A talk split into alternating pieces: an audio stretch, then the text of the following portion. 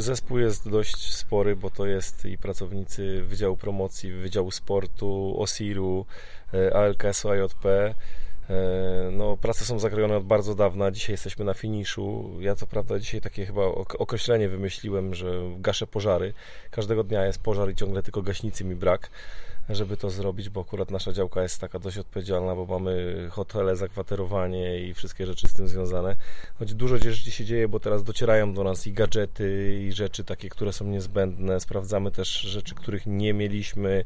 E, Na stadionie trwa powiedzmy mała renowacja, bo już toaleta stanęła taka na stałe, która, która jest. Będą oczywiście też to i to, ale jest już toaleta, także ty, tym wszystkim, którzy tam psioczyli, że nie ma, to już stoi od wczoraj toaleta do użytku. Także no dużo rzeczy się dzieje, dużo by o tym opowiadać, ale naprawdę jest bardzo, bardzo dynamiczny okres. Od poniedziałku będzie jeszcze gorzej, bo zaczynamy wszystko już fizycznie na stadionie, od stawiania namiotów, e, wszystkich stref przygotowania, a tak naprawdę już część ludzi przyjeżdża od wtorku z Polski, która będzie się zajmować obsługą imprezy, w środę telewizję.